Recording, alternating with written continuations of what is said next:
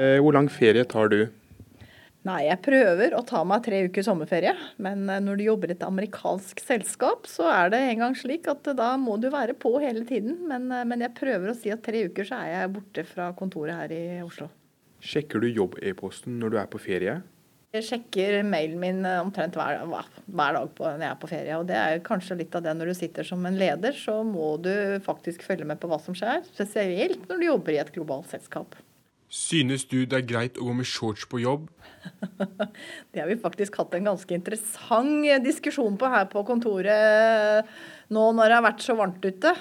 Og så er jeg litt, litt sånn gammeldags, da. Så jeg har jo vært litt konservativ og sagt at nei, jeg syns ikke det er ålreit når gutta kommer med shorts på jobb. Og så har de sagt ja, men Målfrid, hvis de kommer i en pen shorts og med en pen overdel, er det ikke OK da? Og hvorfor er det greit når jentene kommer med et kort skjørt og gutta kommer i shorts?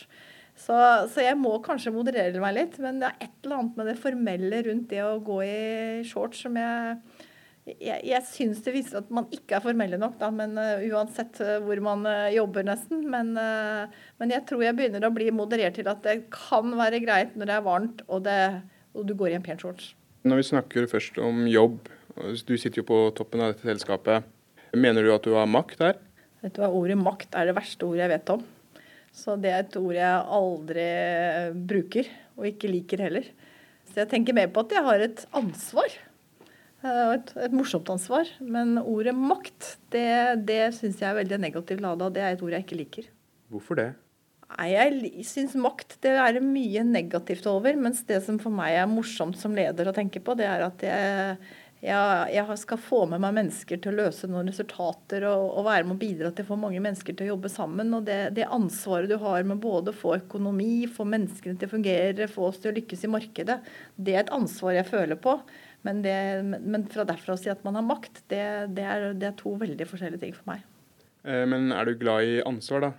Ja, jeg syns alltid det er morsomt å ha ansvar. Og jeg sier jo noen ganger at når man eh, til yngre damer som jeg skal prøve å lokke ut på å si at de må ta seg større lederansvar, så sier jeg at det der å ha ansvar, det er veldig morsomt. Så jeg syns det er gøy å ha ansvar. Eh, det må jeg si. Det syns jeg er gøy. Hvordan føles det å ha så mye ansvar som du har? Noen ganger så kan du tenke at uff, hva er det man har tatt på seg her, er det, er det mer enn du klarer? Mens andre ganger så tenker jeg at dette er uh, dette er morsomt. Det, det, å få en stor organisasjon til å fungere, få mange ulike mennesker til å jobbe sammen, det å se om du får gode team til å fungere sammen, det å fungere ut mot en internasjonal organisasjon. Eh, jeg vil si at det, det er morsomt, og, og, det er spennende, og det er utfordrende. Målfrid Bratt sitter høyt oppe i en bygning i Oslo sentrum.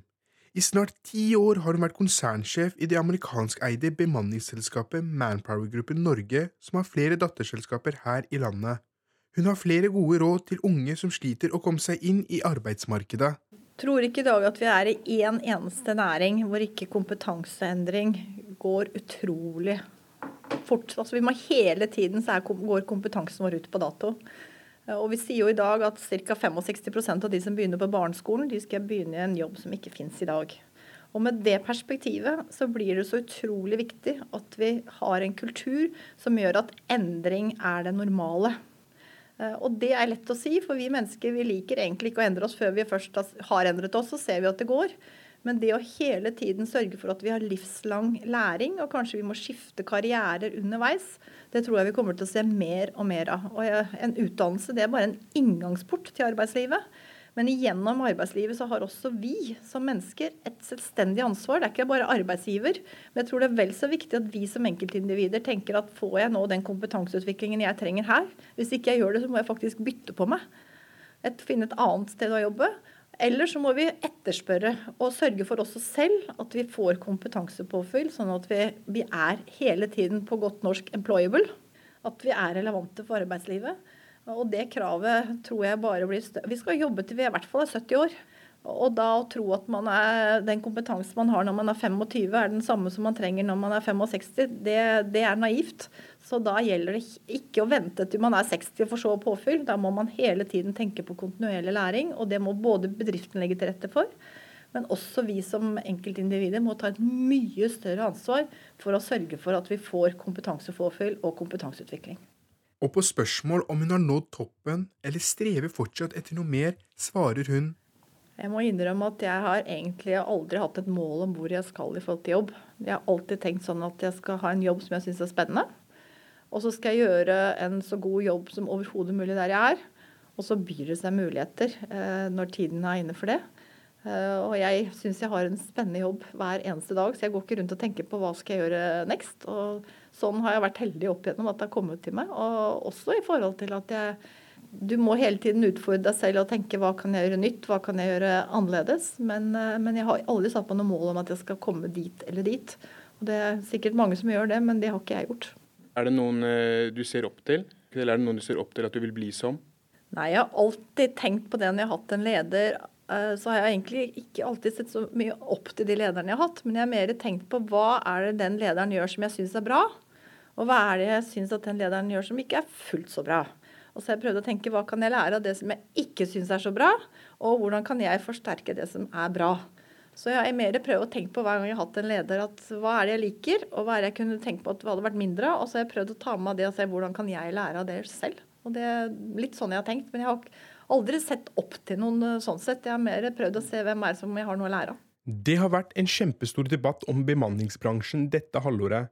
Stortinget vedtok i juni strengere regler for bemanningsbyråer, slik at det blir vanskeligere for byråene å ansette midlertidig. Jeg må si at den debatten som har vært rundt bemanningsbransjen de siste to årene, har vært både frustrerende og har egentlig gjort meg ganske sint til tider. Fordi at veldig mange av de som har uttalt seg, kan ikke nok om fakta. Og så blir en uh, en fjær blir til ti høns, Med at man tar bare utgangspunkt fra ett ståsted og ser ikke helheten. Og jeg har prøvd i hele denne perioden å være ekstremt opptatt av å holde meg til fakta. Og jeg er så stolt av alle de menneskene som vi gjennom de siste 53 årene i Norge har fått ut i jobb. Eh, jeg ser at 20% av de som kommer til oss, de er studenter. 40% er arbeidsledige. Og én av tre av de som kommer inn til oss, de får fast jobb i løpet av eh, et år hos våre kunder. Så vi er en veldig, veldig viktig inngangsport for veldig mange mennesker. Og når man gjør endringer i lovverket som vil gjøre det vanskeligere å være den inngangsporten, så blir jeg frustrert av at ingen lytter til alle de gode eksemplene. Og jeg vet ikke hvor mange eksempler på mennesker som takker oss fordi at vi har gitt dem en ny mulighet, som vi har brukt overfor politikerne, men det øret har vært tett hos mange. Og det er, eh, det er veldig, veldig frustrerende. Og jeg må fortsette å snakke om fakta. Har du noen eksempler på forslag som er skadelige for inngangsporten for unge mennesker?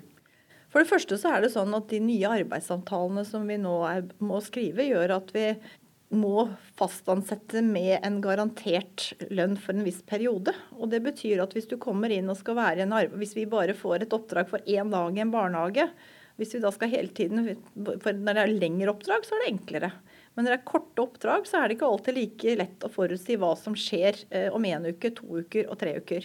Men mange hos oss kommer jo inn, og så får de en sjanse i en barnehage kanskje én dag, to dager, eller på et sykehus én eller to dager. Eller på et lager. Og så ser vi at de fungerer bra, de gjør det bra. Vi hadde kanskje ikke turt å ta det inn hvis vi måtte gitt de en fast lønn og hatt det over lang tid. Men de får en mulighet, og så til hvert så vil vi jo ringe tilbake til de gode, og de får mer og mer mulighet til slutt å ta kundene de.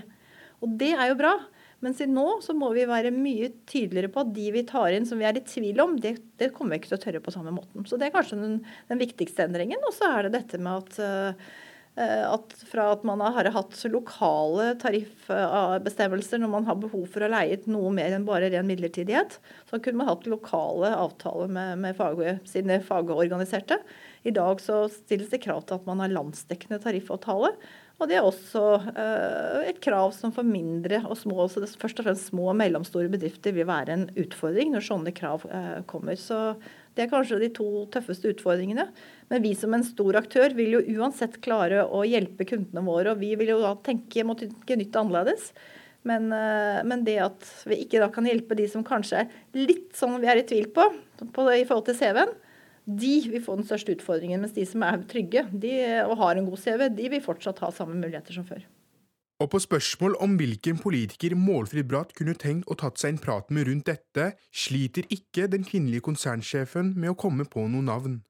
Jeg skulle veldig gjerne Jeg har jo hatt noen prater med flere av de som sitter på opposisjonen siden, men jeg syns jo en del av det vi ser i forhold til uttalelser om, om, næringslivet, at jeg gjerne skulle Nestlederen i Arbeiderpartiet i dag, Haja Tajik, skulle gjerne hatt en prat med henne og virkelig gått gjennom fakta og hatt henne med ut og vist henne både hvordan vi jobber innenfor bygg og anlegg, hvordan vi jobber innenfor eh, mange sektorer i, i arbeidslivet. Og, og, fått lov å være med ut og gå på byggeplassene og se hva, hva, vi opplever i forhold til hva som blir fremstilt i media.